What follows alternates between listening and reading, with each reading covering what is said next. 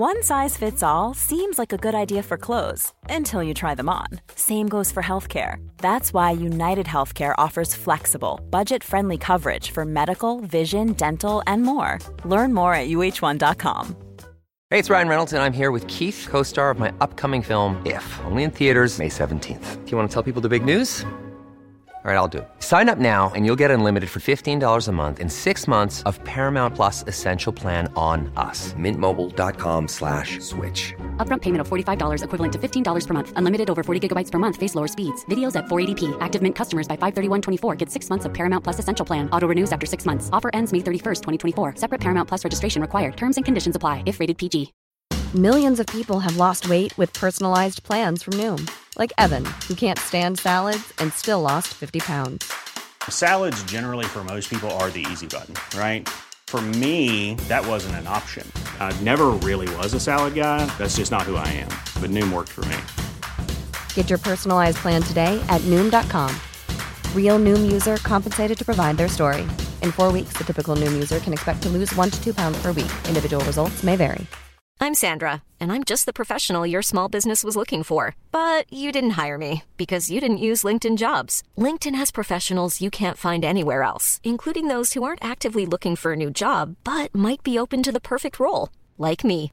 In a given month, over 70% of LinkedIn users don't visit other leading job sites. So if you're not looking on LinkedIn, you'll miss out on great candidates like Sandra. Start hiring professionals like a professional. Post your free job on linkedin.com/people today.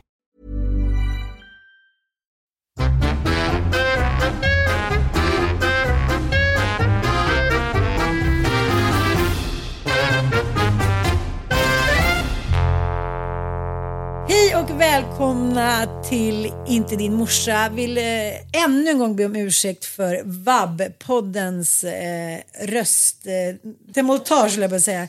Jag träffade en kompis i morse och hon var så här hej och jag bara kände så att vet man ser, jag känner inte henne så väl men det är någonting i ansiktet som bara är så här fridfullt. Och eh, hon sa en sån himla fin grej, just det där som man ofta känner att man är så mycket bara energier. Människan tänker ganska när man ser sig själv i spegeln och ser sina händer bara oj vad benigt, vad jag har blivit ben eller så har jag blivit. Man tänker att man är en fysisk kropp med skelett och liksom att det är ens, liksom, ens persona. Men så läste jag någon bok där det säger men typ 99% av din kropp är ju bara energi.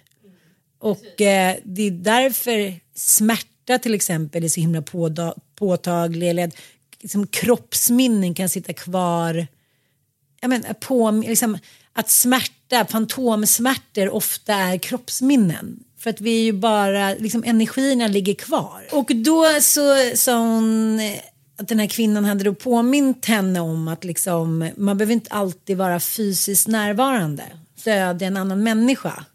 Vet som man kan känna så gud jag finns inte där, det är inte tillräckligt för mina barn eller mina kompisar. Man känner sig liksom värdelös. Man vill så gärna att om någon ber om hjälp eller vill att man ska på något sätt finnas där så tror man alltid att man måste vara där fysiskt. Och det hade hon påmint henne så himla om. Liksom om du redan har gjort ett intryck, om de redan litar på dig och att du finns där, då kan du göra ditt jobb var som helst ifrån. Du, du är liksom i deras energiomlopp. Du kan Mm, hjälpa fattar. till ändå. Det är bara en, en del av det stora världsalltet. Det är så här, ta inte allting så allvarligt när du känner så här, gud vad misslyckat eller jag hann inte det eller jag klarar inte det. Det är så här, gud vi är bara liksom en liten energi, det vet, energikorn i typ Mother Earth. Jag tyckte det var så himla tröstande. Jag kan känna det lite med mina stora killar när man inte umgås på samma sätt eller finns där och håller på att liksom pamper them 24-7 så tycker jag att liksom banden mellan oss på något sätt har blivit vänligare och starkare för att de tar inte mig för givet längre på det sättet. De tänker inte så här, där står min provider som ska liksom finnas där 24-7 om allt från så här, vad är mitt hårvax till eh, hur gör man en dressing till så här, finns det inget godis och glass kvar? Eh, utan nu är det liksom det, jag vet inte, jag kan inte riktigt förklara det, men det är som att jag känner deras energier att vi, eh, det blir en annan respekt, att man blir en annan typ av människa än bara mamma barn när man inte kletar in sig i varandra hela, hela, hela tiden. Liksom. Det är jävligt spännande eh, hela den, eh, alltså hela den övergången från att vara förälder till ett litet barn till någon som sen blir självständig och vuxen per definition, Ja. där man fyller 18 och faktiskt får bestämma allting själv. Jag hörde på Liv Strömquist och Caroline Ringskog Ferrada Nålis podd En varg söker sin podd och där tog hon upp det Liv Strömquist, jag vet inte, jag minns inte exakt vilken eh, teori liksom byggare som hade skrivit om det men just det där att det är den svåraste relationen att få till. Den till sina vuxna barn. Därför att man har haft en relation ju som bygger så himla mycket på överordning och underordning och makt versus liksom att någon är maktlös. För det är ju ett barn i förhållande till oss och det är vi som fattar beslut kring barnets allt ifrån liksom mat till väl och ve. Sen kan man ju ha eh, eh, den starka intentionen att barnet ska få- vara medbestämmare i sitt eget liv och sådär. Men det är ju ändå vi som fattar besluten. Och sen ska det ju där eh, övergå till att man lämnar över ansvaret till sitt vuxna barn. Och det där är tydligen ruggigt svårt liksom, att få till. Att transformera en relation.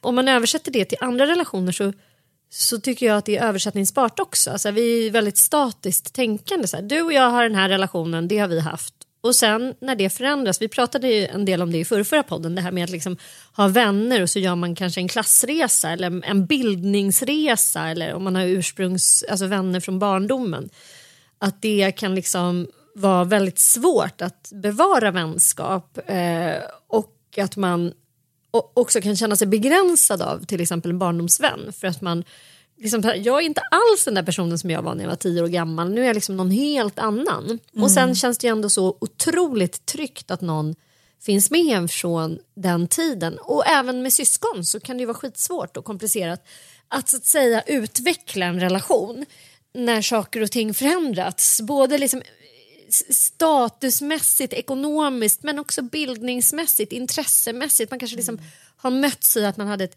enormt intresse för vad fan vet jag, hästar, suddgummin, liksom, eh, Suddgummin. kläder. Nej, men du vet som som man älskade när man, fattar, det var eller bara, jag älskade att hoppa boll, eh, fotboll. Och sen 30 år senare så är man ju av naturliga skäl en helt annan person ofta. Mm. Man liksom är 0% intresserad av det man gillade då. Eller så är man det. Alltså det finns ju de som har bibehållna intressen och eh, idéer och att man känner sig väldigt lik. Och Peter Dahl. det är ändå fint när du säger det för jag upplever också att jag, jag har ju min Olga som är vuxen nu, att vi har en sån otroligt mycket härligare relation nu än vad vi hade när hon var låt säga 13-14. När hon ju var tonåring och det kan väl alla vittna om att det är pissjobbigt att vara det för man vill bestämma allting själv men är inte förmögen till det och man fattar oftast jättedåliga beslut. Den stora krav, krav, kravens tid. Ja, de stora 13 till kravens 15. tid och man har liksom ingen heller Va, ska du inte skjutsa med 75 mil? Nej, vad då ska jag inte få så här 100 000 kronor på mitt, uh, typ, i veckopeng? För fan, kan inte jag äta? Alltså, det, det, det, det är så mycket som är så orimligt med deras eh, idéer. Liksom. Men jag tänker så här, det är så svårt tycker jag i den där åldern att vara tydlig för att de är så otroligt manipulativa och skickliga på att få en att känna sig som den s- Sveriges sämsta mamma. Man bara, står det skrivet i min panna att jag är så här bad mom? För du får mig verkligen att känna det och när jag så här, du har inga, du, din bevisbörda är inte tung. Det är liksom, det är så här, jag är inte det. Och jag tog faktiskt det där med en av mina barn i, i, i helgen när han var så här, kan inte du hämta mig då? Jag var så här, men gud fotbollsmatchen börjar om en kvart och jag har skrivit tydligt att, eh, att det är liksom att då hämtar jag vid den tunnelbanan hit och dit. Och sen så börjar de en efter en som så här guldfiskar bara säger hej skulle jag till Vasalund eller? Jag bara nej, jag har skrivit dit. de, de orkar inte bemöda sig och kolla på de här DM eller smsen för det är så här, var det Vasalund eller? Jag bara nej Nej det var det inte, det var Brommaplan bla bla bla. Och den andra är så men jag har åkt tåg hela dagen. Jag bara vad har du åkt för tåg hela dagen? Jag har åkt tunnelbana hela dagen från Gnesta. Jag bara vadå från Gnesta? Jaha okej. Och så blir det så att jag kidnappas och inte kan vara tydlig så jag sätter mig i söndagstrafiken och åker och hämtar, vi kommer för sent och då så här, mitt i alltihopa så gör jag ju då fel för då lägger jag över det på honom. Jag bara det här är inte schysst. Nu har du kidnappat mig. Jag menar inte att man är en perfekt människa men en perfekt, mer perfekt människa som inte känner skuld hela tiden att den ska överkompensera. Det är sagt så här, älskling vet du en grej, då får inte du komma på hans akademimatch. För att jag, det finns ingen möjlighet att jag ska hinna till Söder Nej. och sen tillbaka hit och sen, sen det sig för matchen var försenad. Då skrattade han så här, han bara, ja du kunde ju bara sagt det. Då sa jag så här, nej det kunde jag inte. Jag kan aldrig bara säga någonting. För då blir det liksom, okej, nej, okej, vad dåligt. Tänker inte jag komma? Då tänker inte jag orka det. Men vad då? du sa ju det. Det är du som är sen, det är du som är... ah.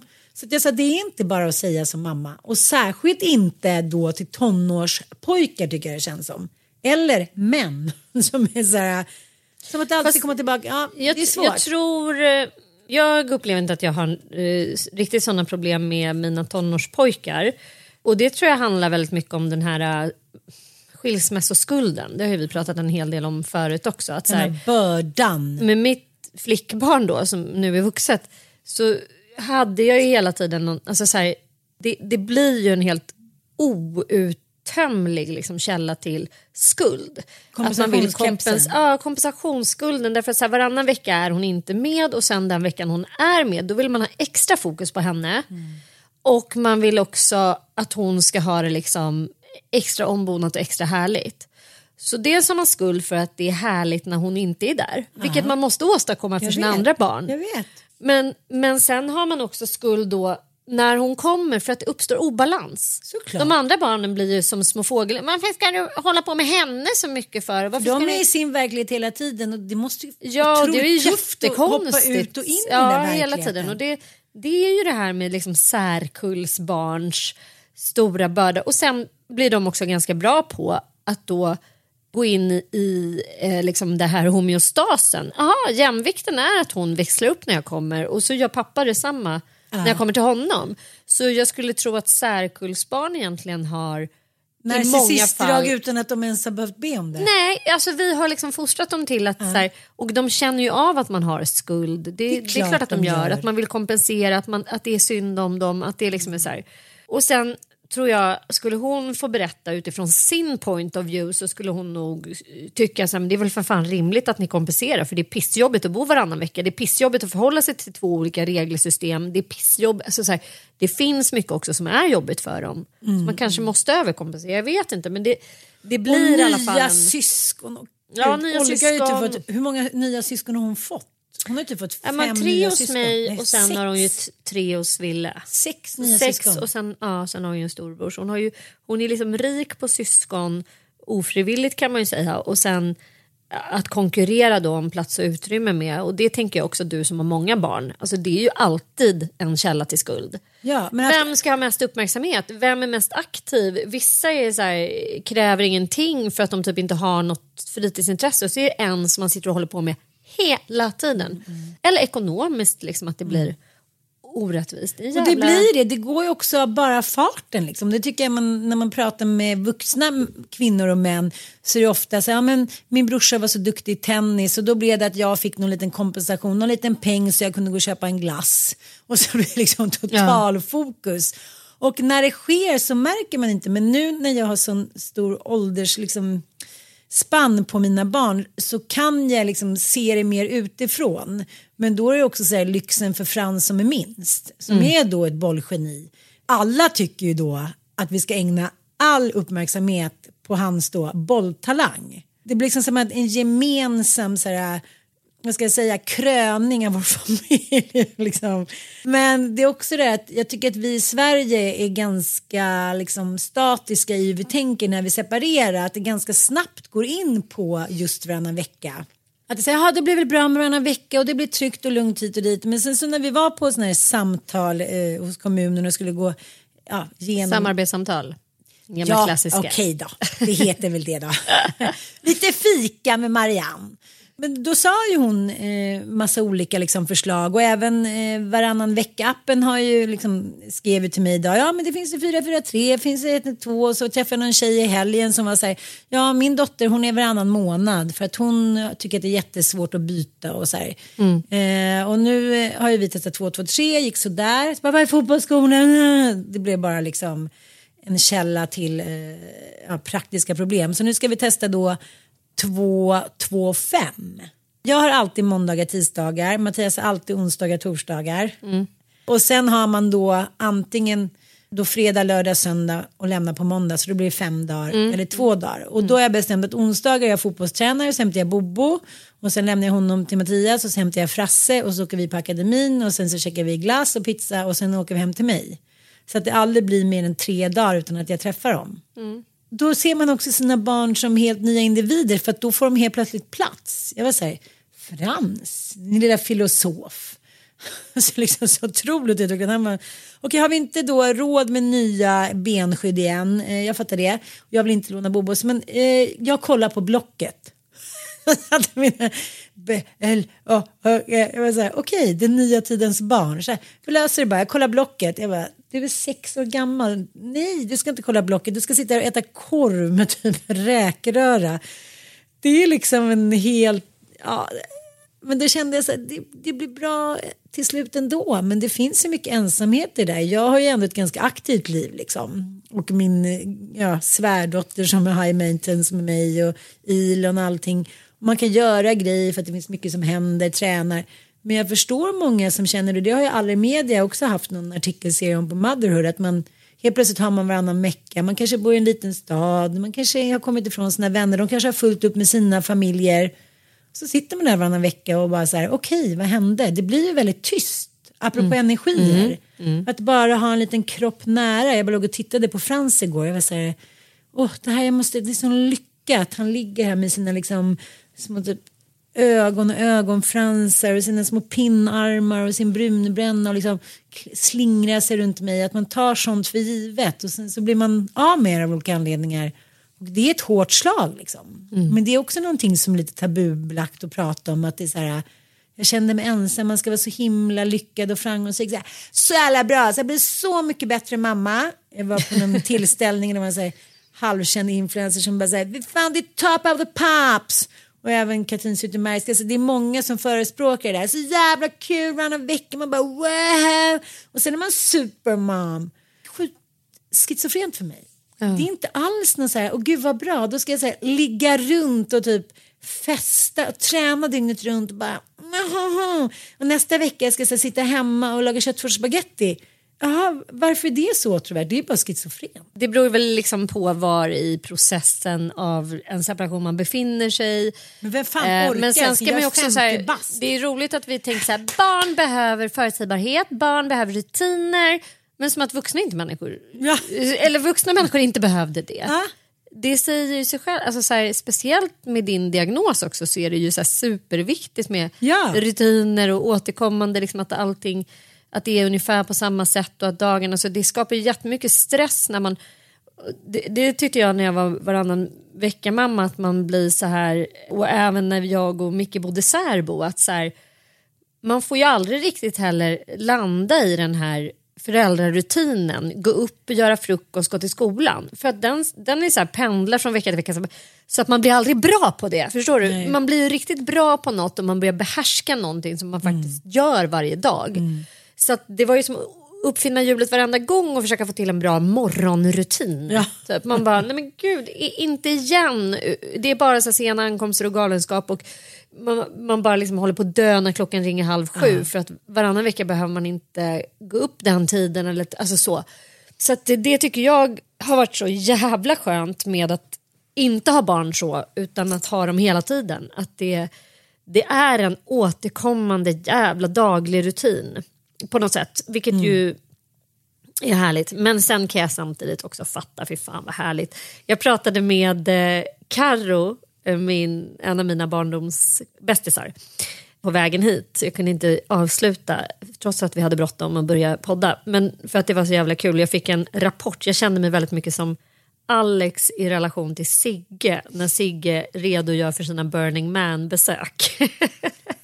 för att Karo hade ju varit på Burning Man nu. Hade hon? Ja, hon har ju varit där. Hon fick ju det i present ja. Ja, så hon Och vår andra gemensamma bästis har varit på Burning Man och gjort det liksom. Och, eh, Men det här årets Burning Man som var katastrof. Och Nej, folk- men hon, alltså hon var euforisk. Jag, jag har sällan hört henne så lycklig.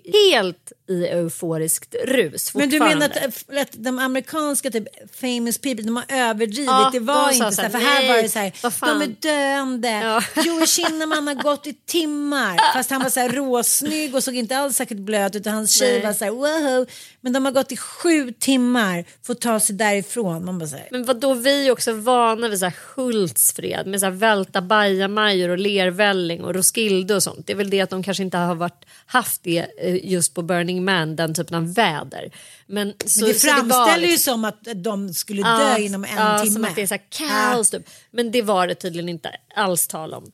Men eh, okej, roligt hon, det hon sa sammanfattningsvis som jag ändå kände ett jävligt stort så här äh, sug efter. För jag har ju sett, de har ju laddat, det är utan wifi så ingen har ju liksom kunnat direkt rapportera därifrån. Liksom, Thailand. Ja, man ska inte hålla på, ja precis som Thailand så det tyckte de ju var asskönt båda två. Men sen var det det här som jag bara kände ett sånt här starkt sting av så här sug efter som jag, jag har inte känt sug efter det på väldigt länge. Alltså så här, att jag är sams med att vara den här vuxna människan som har rutiner och vallar barn. Typ. Alltså, jag har inget sug efter den där natten. Nej, fattar, alltså, om vi utgår ifrån att natten är liksom det galna, det spontana där det Mm. händer saker som man inte... Ja, alltså så här, det, det ena mer crazy efter det andra. Och man bara ser nya ansikten som man blir väldigt så här, förtjust eller exalterad över. Så här. Men hon berättade liksom att så här, hela grejen med Burning Man var liksom att det, det var som att så här, man går runt nästa hörn och så bara dyker upp någonting som man bara blir så jävla exalterad över. Det coolaste konstverket man någonsin har sett. Någon så här, man bara, helt plötsligt är man sugen på liksom en kaffe och helt plötsligt bara in i tält så är det någon jävel som bara står och serverar liksom färska donuts som är de godaste man ätit i hela sitt liv. Att det bara händer så här. Spontaniteten bjuder till och alla som är där vill ju att härliga saker ska hända. Vilket gör alla medskapare till att det här uppstår hela tiden. Och det kände jag bara så här, åh fy fan vad det var länge sedan som jag var i liksom det här livets rus. Det är klart att det är många på Burning Man som nyttjar en och annan drog men det är ju väldigt många som är där som inte gör det som ändå blir liksom bara höga på hela den här upplevelsen av att vara här och nu och det är så mycket kärlek och det är så mycket liksom, eh, någon typ av gemenskap som alla har ett gemensamt kontrakt över liksom. Jag tror inte att det är jättemånga som inte tar en svamp eller en liten e- e-tablett. Men kanske, kanske de två då. Kanske de då, men, ja, men liksom, eh, jag vet också många nyktra som har varit på Bur- Burning Man. Alltså så här helt nyktra Nej, men jag fattar, jag- det- man har hört det där Nej, men jag, kärleks- men, ja, men Ja. liksom den här där e- e-känslan behöver ju inte så att säga Absolut ha med e att göra Nej, utan det nej. kan man ju faktiskt uppnå ändå. Verkligen. Eller rave och technokänslan. Men jag fick faktiskt så här, ett sug efter det. Ja. För Karo var, hon var ju så här, Ja! jag måste typ åka på bubbla. Burning Man nästa år. Alltså hon hade redan var Ja. inne på liksom att vi måste planera och spara pengar och det behöver inte bli så dyrt och jag liksom kommer leva, jag, jag måste typ lova mig själv att få göra det för annars kanske inte jag kommer stå ut det här året. Alltså det var på den nivån. Hon har ju haft jättejobbigt med sin rygg och ryggoperationer och sånt där. Men det är väl svindyrt bara att köpa en biljett? Nej, men det, hon hade hittat olika sätt. Så Jag kände hopp så här, fan det kanske blir nästa år. Du och jag har ju pratat om det här Ja! sen Navid Modiri började liksom Ja! predika för oss När när vi typ var var i Visby. apa eller vad det var. Ja, Han var nog hög på livet bara. Nej men alltså jag känner så här, där jag är just nu, jag bara känner så här, Ah. nej men typ jag känner så här, Gud kommer ta mig, vem han eller hon nu är.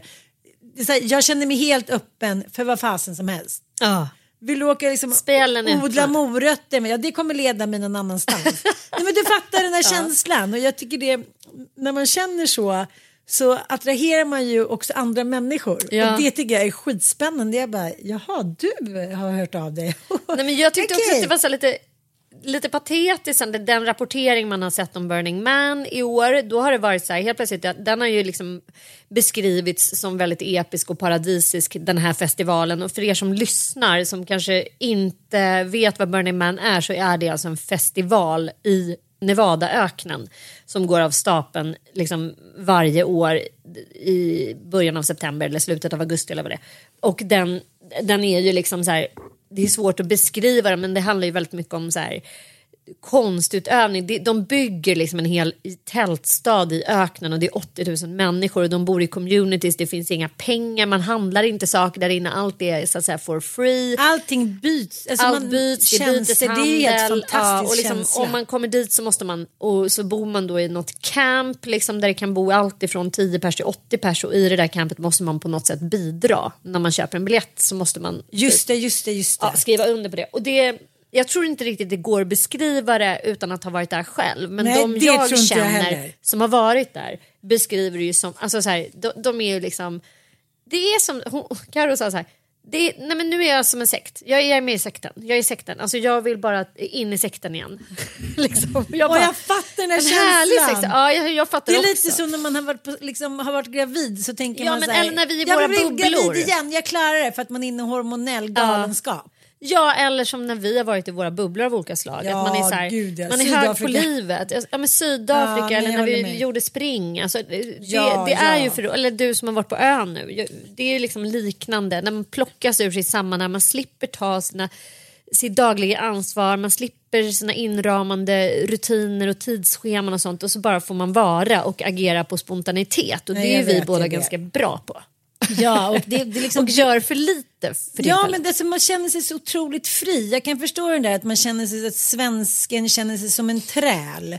Att vår, vår genetiska ryggsäck liksom genom så här Småland, Stena och vidare framåt till Amerika. Att, att vi går alltid och bär med oss lite det där tungmodet och jag har tänkt att det är en klyscha men så har jag tänkt så här, jag tror att det är så lite och det är därför när man är på en strand nomadkänsla, när man är tillbaka till apan där vi kommer ifrån som jag tänkte så här, okej varför känner jag mig så himla trygg och lycklig när jag är i Afrika?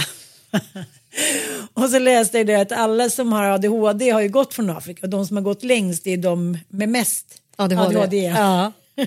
Men så också, länge jag vi tänker- har gått ju Ja. mer såklart. Att så här, Ja. De andra gav ju upp så här, "Nej, vi stannar här och hittar någon pinne och petar i jorden. Men liksom, vi andra var så här, äh, fan det, det löser sig. Vi, vi tar den där lilla plankan och simmar över. liksom. Det är helt sjukt ju. Det är liksom otroligt att Men så här, jag tänker också att så här, the fit här, survive. ja, Som blir the fuck ups i en modern värld. Ja, och trälivet, liksom, det svenska trälivet, det är också en förutsättning att kunna planera om man ska bo i ett klimat där ingenting växer och ingenting går att äta typ stora delar av året. Du måste planera. Ja. Du måste vara strategisk kring hur du ska skörda, hur du ska lagra, var du ska gömma dina saker och sånt där. Så det är en viss typ av så här träldom vi alla lever i, det här ekorrhjulet på något sätt. Jag upplever samma sak när jag kommer liksom i, en, i en varm så tropisk miljö. Jag blir ju liksom aldrig så... Alltså jag har så lätt att gå upp i sån här spontanitet, att glömma tid och rum. Jag älskar det. Det finns typ ingenting jag njuter av så mycket. Samtidigt som jag nu också har lärt mig att uppskatta träldomen. Ja, ja, ja nej, men jag, Jag har gjort Ja. det faktiskt. Nej, Med jag- ålderns rätt på något sätt. Att Nej, säga, men jag- man Gud, jag uppskattar när klockan ringer 0, 06. Jag har liksom inget... Nej, det, nej, jag håller med. känner Det har att- ingen värdering Nej, för mig heller. det kan få existera sida Ja, vid sida. Ja, ja, och det är en underbar insikt som man önskar att man hade fått mycket tidigare. Men det är också som nu när jag då har möjligheten. Jag skulle ju kunna sova till elva om jag ville den dagen jag inte har barnen. Men det, man vaknar ungefär vid samma tid. Man känner sig nej, trälen ska gå upp. Då kanske jag unnar mig att gå och träna eller liksom, du vet, inte stressa iväg. Men det är ändå så här, trälen ska också ha sitt. Ja. Trälen behöver liksom ramas in. Ja, men det är ändå så paradoxalt att de som gick allra längst då, andelen av människor som har liksom mest frekvent och hög ADHD finns ju i Mexiko. Men gud vad spännande, hur vet man det här? Men Man, Det är för att man liksom har nu kartlagt ADHD-genetiken och därmed då kan liksom... Precis, Eh, precis. ja. Man, man, man kan liksom man kan kartlägga var människor har mest ADHD. Ja. Men eh, jag tycker att det är så intressant det där att vi gick ju i en tid för 30 000 år sedan ungefär. De som gick allra längst hade ju helt hemska strapatser över is och det var regn och det var liksom svält. Det fortsatte gå till att då stanna någonstans i Europa och bara säga vad gör vi nu? Jaha, här finns det inga härliga hav på samma sätt. Här är det inte subtropical heat. Så här, vi måste hitta på någonting och då hamnade ekorrhjulet. det som var liksom en megasuccé på savannen blev ju en flopp då i, liksom, när man skulle börja odla. Mm. Du tänker odla Ja, för en. ADHD-människa. Ja, nej, men jag vet. Det vill säga, de gjorde allt det här, de var så modiga, de tog en för teamet och vad fick de? Gå och träla i en potatisåker. Nej men det är inte schysst. Nej. Nej, och Nej. Det, det är ju så att allting som var men du vet, så här, superkrafter, superbra hörsel, eh, att man är så här, man, Mm. Att man reflekterar- har väldigt vidöppna sinnen och Ja. snabba reaktioner. Och... man ser så alla med ADHD bara så här, aj, mitt öra typ. Så det, det låter så mycket. Och väldigt starka impulser. Som man bara, Ja, så här, okej då blixtsnabbt. tar vi, ja, men där kommer fotboll. Oj, så, så, man, så här, reflexerna är mycket tydligare, man, man har så mycket fördelar men när man inte riktigt vet vad man ska göra av det i en modern värld då måste det diagnostiseras. Mm. Fast det är ju fortfarande superkrafter, de går liksom inte riktigt att använda på samma sätt. Om, om man inte kanske blir idrottsman då eller har någon typ tantalore eller förälder eller någon annan som är så här, vi tar hand om skiten, sitt bara där. Kör, gå ut och sjung bara eller någonting. Vi tar hand om ekonomin, barnen, bla bla bla. Då är det fortfarande en liksom fördel ADHD. Men för de allra flesta och särskilt för kvinnor så är det ju ingen superkraft. Nej, just nu i vår moderna tid där liksom scheduling... tillbaka till och- järnåldern? Ja, så här, ja, men då ska man ju... Alltså, så här, Det är därför jag gillar sektlivet.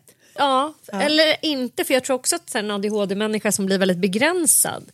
Alltså så här, sektlivet bygger ju jättemycket på disciplin. På en strand. Nej, där har du missuppfattat allt tror jag. Alltså, i, eh, jag tipsade ju om The Vow i förra avsnittet Ja. och det är många som har skrivit till mig efter den och bara fy i helvete. Men The Vow, där framgår det ju liksom att ett sätt att bryta ner någon eh, enligt klassiskt sek- sektmaner det är ju liksom att få människor att börja jobba med disciplin. Men jag har varit alltså, så här, det där är Därför har jag klarat mig. Ja, men alltså så här, disciplin. Jag tyckte också att så här, Hyberman Lab, min älskade gubbe, han eh, pratade också och skulle, han ska nu göra två megaföreläsningar som någon slags här, Tom Cruise-aktig Magnolia-gubbe. Du vet, hans, ja, i Australien, i så här, Sydney Opera House. Då kan du fatta hur stor han är. Men då, han pratade också om så här, schedule och proto protocols. Det är en grej som han har kommit på gör människor liksom framgångsrika. Att man faktiskt har sina då listor, scheman, protokoll, att man följer det.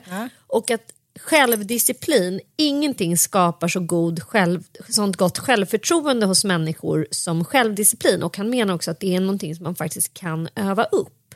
Absolut. Och, och det gjorde honom väldigt eh, liksom, illa till mods att personer som har ADHD då och beroendeproblematik, båda de diagnoserna, där har man ju då oförmåga att hålla sig till en plan. Avhållsamhet och när det gäller alkohol eller droger, eh, vilket man ju då strävar efter. Man fattar att det är ett problem och då tänker man nu ska jag avstå, så klarar man inte det. Och det är själva det primära diagnoskriteriet för att få den diagnosen. Då känner man, Man har sig svårt med impuls. Ja, man känner sig hela tiden misslyckad. Och ju mer misslyckad man är desto högre ångest får man och desto mer vill man dricka. Liksom. Så, men då menar, och nu, det berättar faktiskt Fred Nyberg också att det finns nu så program för att öka upp alltså förmågan att stå emot impulser. Och det har man också tagit fram för personer med ADHD. Det är inte så att så här, man har en kronisk liksom... Nej. Och han berättade ju också, vilket jag tycker var skitspännande, att ADHD är kontextuell. Beroende på vad du befinner dig i för eh, miljö så kommer du ha mer eller mindre symptom. Så det är inte så att ah, du har alltid jättemycket ADHD-symptom utan om du befinner dig i en bra gynnsam miljö då kommer du ha mindre symptom. Så det är därför jag tänker att så här, har man ett barn med den här diagnosen så piller är inte allt utan det går faktiskt att hitta eh, strategier och miljö för att symptomen ska i, i stort sett inte ens behöva vara besvärande. Och, och det pratar han mycket om, min kära Hyberman. Min älskling. Nej, men du, jag ska lyssna så mycket. Det är, att jag, det är det där att jag, eh, hur, även om man har mer tid för sig själv så känns det som att livet ändå ännu stressigare på något sätt. För nu är det så här, nu måste du vara fint hemma. Jag kan liksom inte skylla på att jag inte har tid. Nej, nej, Nej, inte ha fem barn. Som... Nej, men jag tycker att det är väldigt intressant och just det där du säger att jag har tänkt mycket på det här att jag ska liksom inte eh, hemfalla åt otrolig liksom impulsrunk utan jag försöker liksom att säga okej, nej, nu trodde du att du skulle gå på loppis, men det skulle du inte. Du trodde att du skulle vara kvar en liten stund till på den här middagen men det ska du inte för du ska cykla hem nu. Jag har liksom en helt annan så här, diskussion med mig själv när min hjärna inte är ockuperad av barn, man 24-7. Och en kompis till oss, en poddkompis till oss, hon var så himla chockad, jag träffade henne för ett tag sedan, hon var så himla ledsen för att hennes bästa kompis hade lämnat sin man och de hängde alltid liksom, ja men typ som att du, jag, Michael Svensson och Mattias skulle ha hängt. Ja, ja du fattar. De har hängt liksom i så många år. De är båda så här, nästan 50 år. Så Mm. det har liksom pågått länge. Och hon var så himla himla chockad. Mm. Dels för att kompisen inte hade sagt någonting. För att hon menar på att ni är lika bra kompisar med båda oss. Mm. Det är liksom taskigt av mig att kräva ställning. Själv hade jag aldrig godtagit den ursäkten av dig, ska bara veta. men jag kan, jag kan förstå vad hon menar. Men jag hade ju aldrig klarat det. Jag hade bara så här, "Åh, åh." Men sen också att hon var så här, hon hade precis fått sin ADHD-diagnos. Och hon kände så här, jag vet inte ens om jag klarar mig själv. Jag måste ta reda på om jag gör det. Jag måste kunna leva i liksom självkänslan och välbefinnandet att jag är en vuxen människa som vet att jag är kompetent nog att klara mig själv. Ja. Och jag var så här, gud, det har stannat hos mig. Jag bara, ta med din kompis hem till mig, ta med henne på tillställningen. Att, att, så här, det är så jävla självrespektsgrej.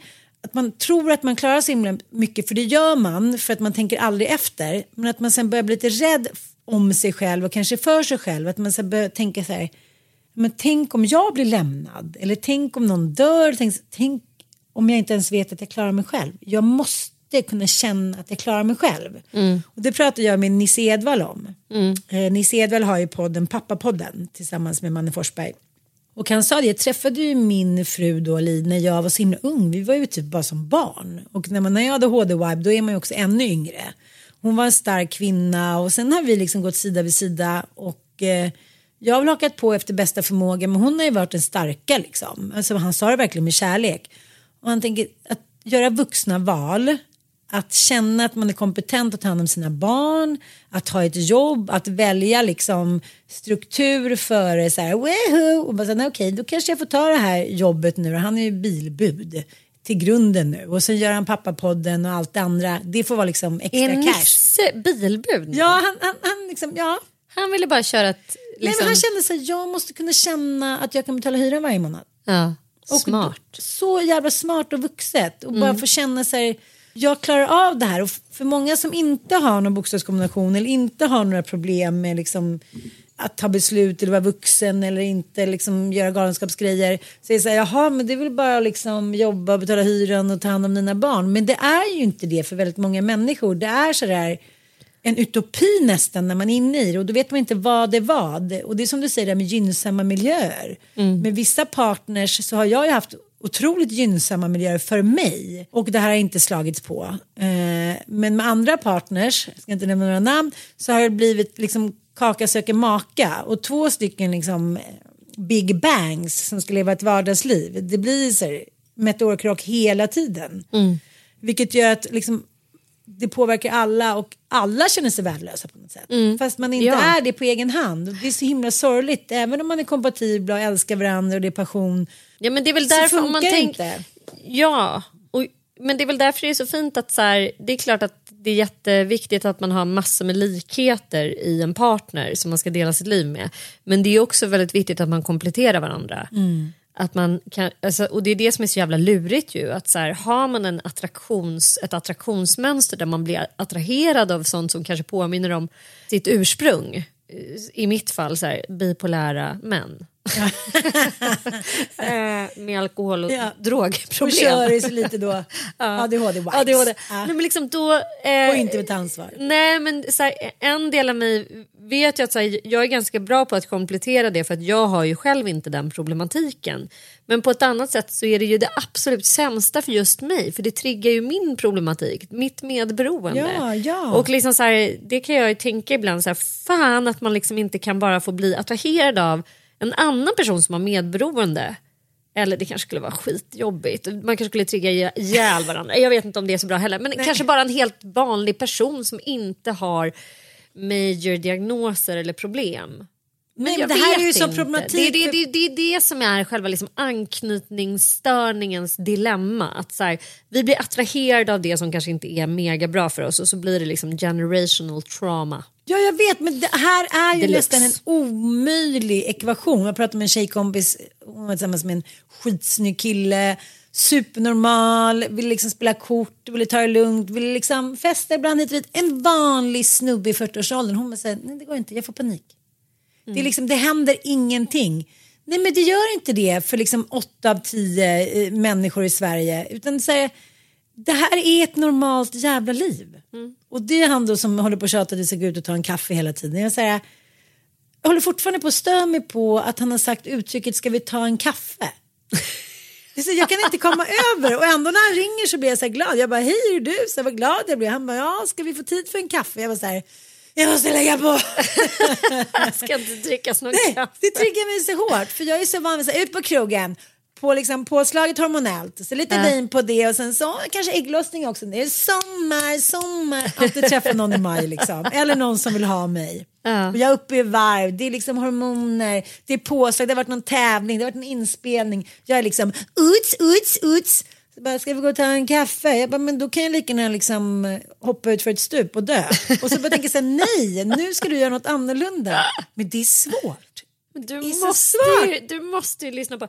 Jag måste Idag- ta den där kaffen, jag vet. Ja, du måste ta den här kaffen för du måste träna. För jag, i, I mitt eh, fjärde avsnitt i min serie Beroende som går i P1 nu eh, så träffar jag ju Thomas som har ett kärleksberoende. Eh, och det var faktiskt bland det mest intressanta avsnittet att göra för att dels att jag känner igen mig så mycket själv. Jag är ganska övertygad om att jag själv har ett kärleksberoende.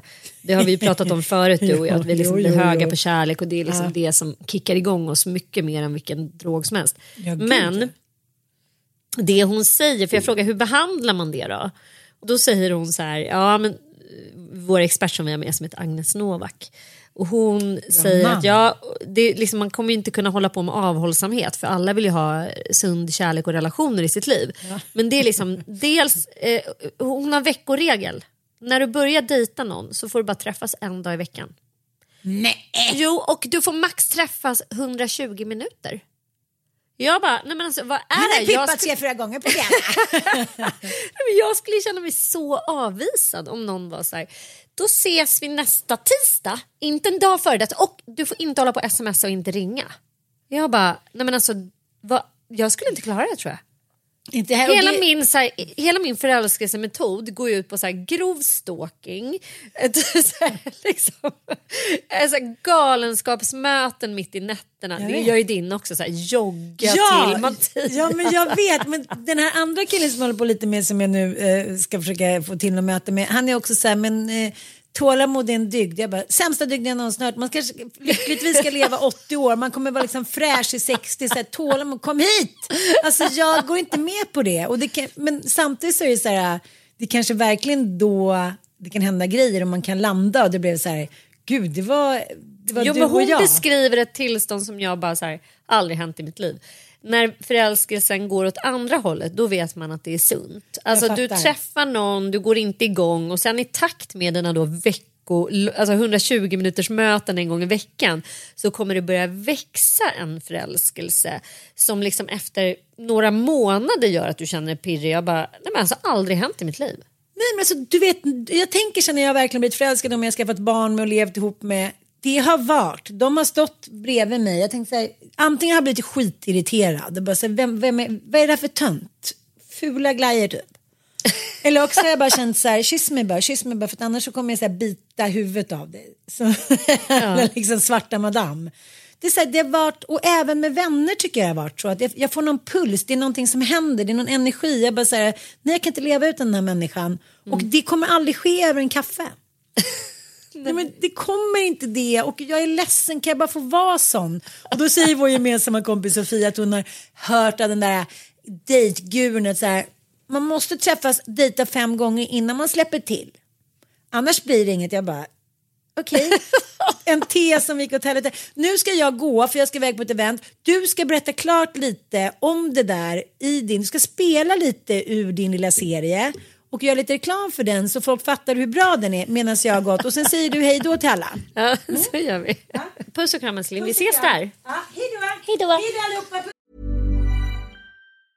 A lot can happen in three years, like a chatbot may be your new best friend. But what won't change? Needing health insurance. United Healthcare Tri Term Medical Plans, underwritten by Golden Rule Insurance Company, offer flexible, budget friendly coverage that lasts nearly three years in some states. Learn more at uh1.com. When you're ready to pop the question, the last thing you want to do is second guess the ring. At Bluenile.com, you can design a one of a kind ring with the ease and convenience of shopping online. Choose your diamond and setting. When you find the one, you'll get it delivered right to your door. Go to Bluenile.com and use promo code LISTEN to get $50 off your purchase of $500 or more. That's code LISTEN at Bluenile.com for $50 off your purchase.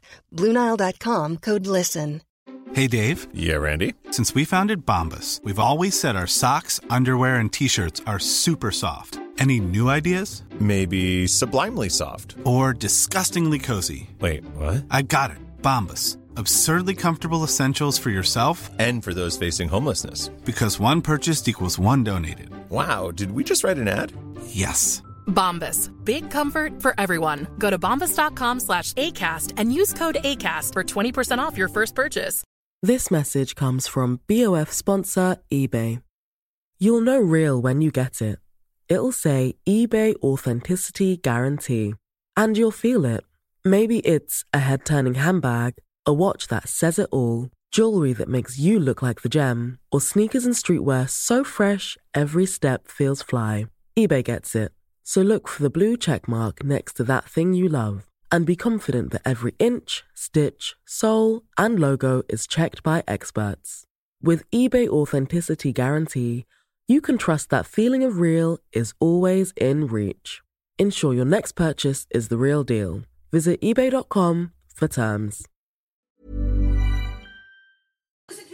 Ja, det här var roligt. Det här blir som ett litet e- eget inslag. Nu ska jag leka yoga girl, alltså ensampoddare mer. Hur ska det här gå?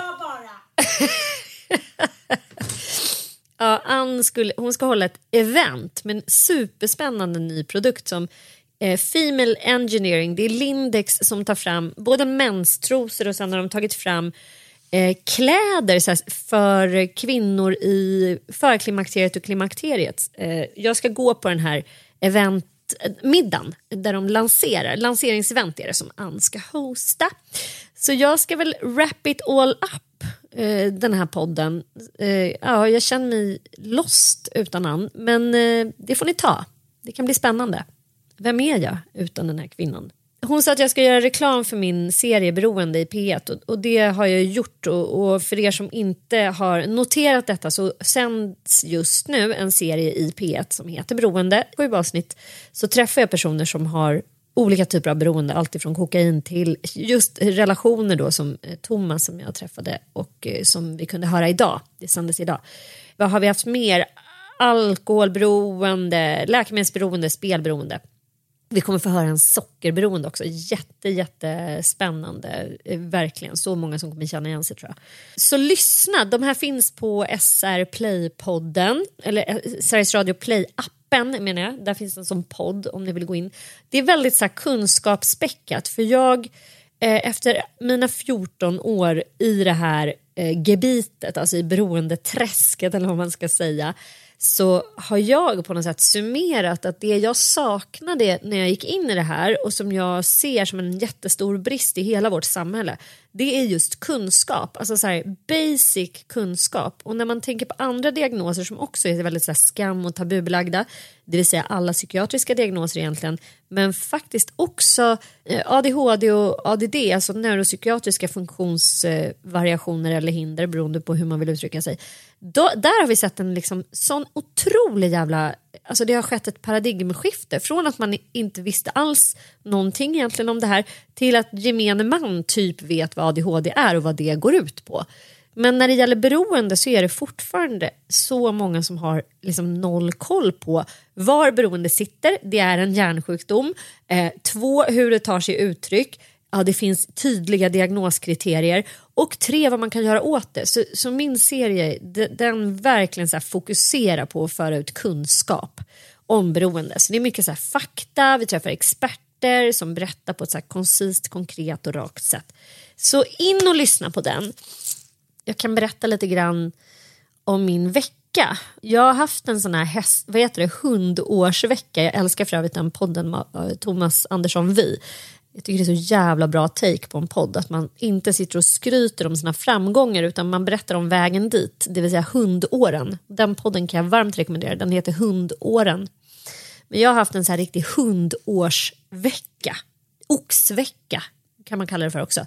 Du vet när man bara ska beta av grejer. Jag lämnade in ett PM i min diakonivetenskap. Otroligt satisfying.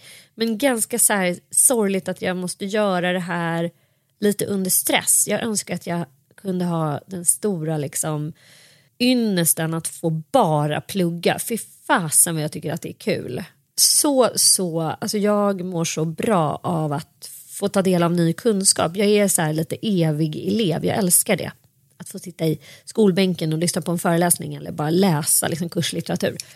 Och målet med det här det är att färdigställa min kandidat i teologi. För att jag har eh, massa restpoäng som inte jag har plockat ut. Och det, är, det är djupt unsatisfying och också ett så tecken på ADHD. Att man har svårt att färdigställa. Och jag har ju faktiskt ganska mycket ADHD-symptom. Men utan att ha diagnosen. Och jag vill färdigställa. Nu är jag 44 år, jag har snart betalat av mina studielån och jag har snart färdigställt min kandidat. Vilket... Ja, men så det har jag gjort och sen har jag pluggat på min andra. Liksom jag har ju några hemtentor kvar i, innan jag blir färdig anhörigterapeut. Och sen, vad har jag mer gjort? Jag har varit och föreläst, jag har planerat massa föreläsningar och jag har haft massor att göra med mina hästar. Jag har byggt massa hagar, jag har hållit på och tränat massa föl, jag har haft rymmande hästar och hundar. Men eh, vi hade också en sjukt härlig spa-helg och det tycker jag är så en grej som jag vill tipsa alla er som lyssnar. För nu går vi in i mörkret, det är höstdagjämning på lördag, det vill säga dag och natt blir lika långa och sen blir den faktiskt eh, längre natten. Mörkret kommer och eh, eh, Anita, min och hans gemensamma kompis, hon eh, är så jävla bra på att planera in grejer så långt fram. Det är jag dålig på. Och hon eh, bokade in oss på en liten spa grej. Spakällan i Gamla stan, det ligger på Lilla Ny, Stora Nygatan och det är liksom i en sån här eh, Gamla stan-källare med valv och grejer har de byggt ett dagspa som man kan liksom hyra som tjejgäng, man kanske har någon möhippa eller man kanske har någon baby shower eller vad det nu är. Det är två superhärliga bubbelpooler, en jättehärlig bastu, relaxrum och duschar och så kan man liksom bara pipa ner där Eh, och det var precis det vi gjorde. Jag, Anita, Ninni och Sofia och Ann hade liksom två timmars bastu och prat. Eh, fruktfat och lite bubbel och sen gick vi och käkade middag på hos Marie. Alltså jättemysig krog som också ligger på eh, Stora Nygatan i Gamla stan. En så fransk eh, bistro, eh, bistro Marie heter den ju förstås. Jag kan verkligen rekommendera. Så jäkla, jäkla härlig kväll som inte tog allt för mycket tid i anspråk men det var bara så upplyftande och så mysigt. Massa sådana grejer ska man peppa, peppra hela hösten med för att få, få det riktigt, riktigt härligt. Och sen har jag också hållit på med skörd. Det är liksom varje dag när jag går ut i skogen så får jag med mig minst en liter kantareller hem. Jag har så mycket kantareller hemma så att det tar med fasen möglar och blir så här ruttet så jag måste slänga kantareller. Alltså när har det ens blivit, varit ett problem i mitt liv? Aldrig. Det här är alltså mitt livs matigaste svampår. Jag har aldrig hittat så här mycket svamp eh, utan att behöva leta efter den. För det är på riktigt bara att gå ut i skogen så bara överfaller svamparna en. Det är helt sjukt. Med de orden, kära lyssnare, så vill jag säga hej då och tack för att ni lyssnar. Det är så jäkla... Jag älskar att göra Inte din morsa.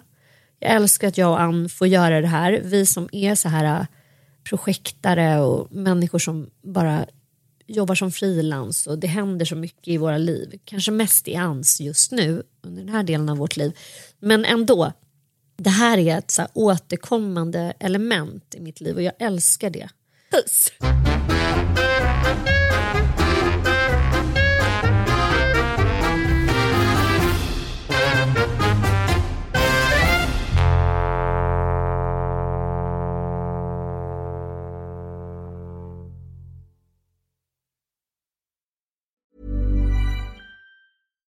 Hi, I'm Daniel, founder of Pretty Litter. Cats and cat owners deserve better than any old fashioned litter. That's why I teamed up with scientists and veterinarians to create Pretty Litter.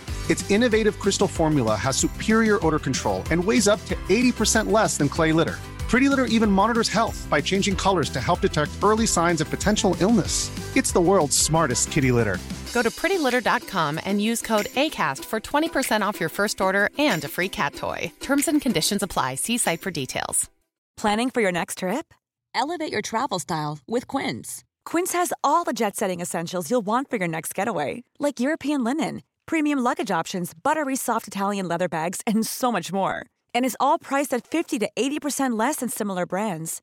Plus, Quince only works with factories that use safe and ethical manufacturing practices. Pack your bags with high-quality essentials you'll be wearing for vacations to come with Quince. Go to quince.com slash pack for free shipping and 365-day returns. Imagine the softest sheets you've ever felt. Now imagine them getting even softer over time. That's what you'll feel with Bowl and Branch's organic cotton sheets. In a recent customer survey, 96% replied that Bowl and Branch sheets get softer with every wash. Start getting your best night's sleep in these sheets that get softer and softer for years to come. Try their sheets with a 30-night guarantee. Plus, get 15% off your first order at bowlandbranch.com. Code BUTTERY. Exclusions apply. See site for details.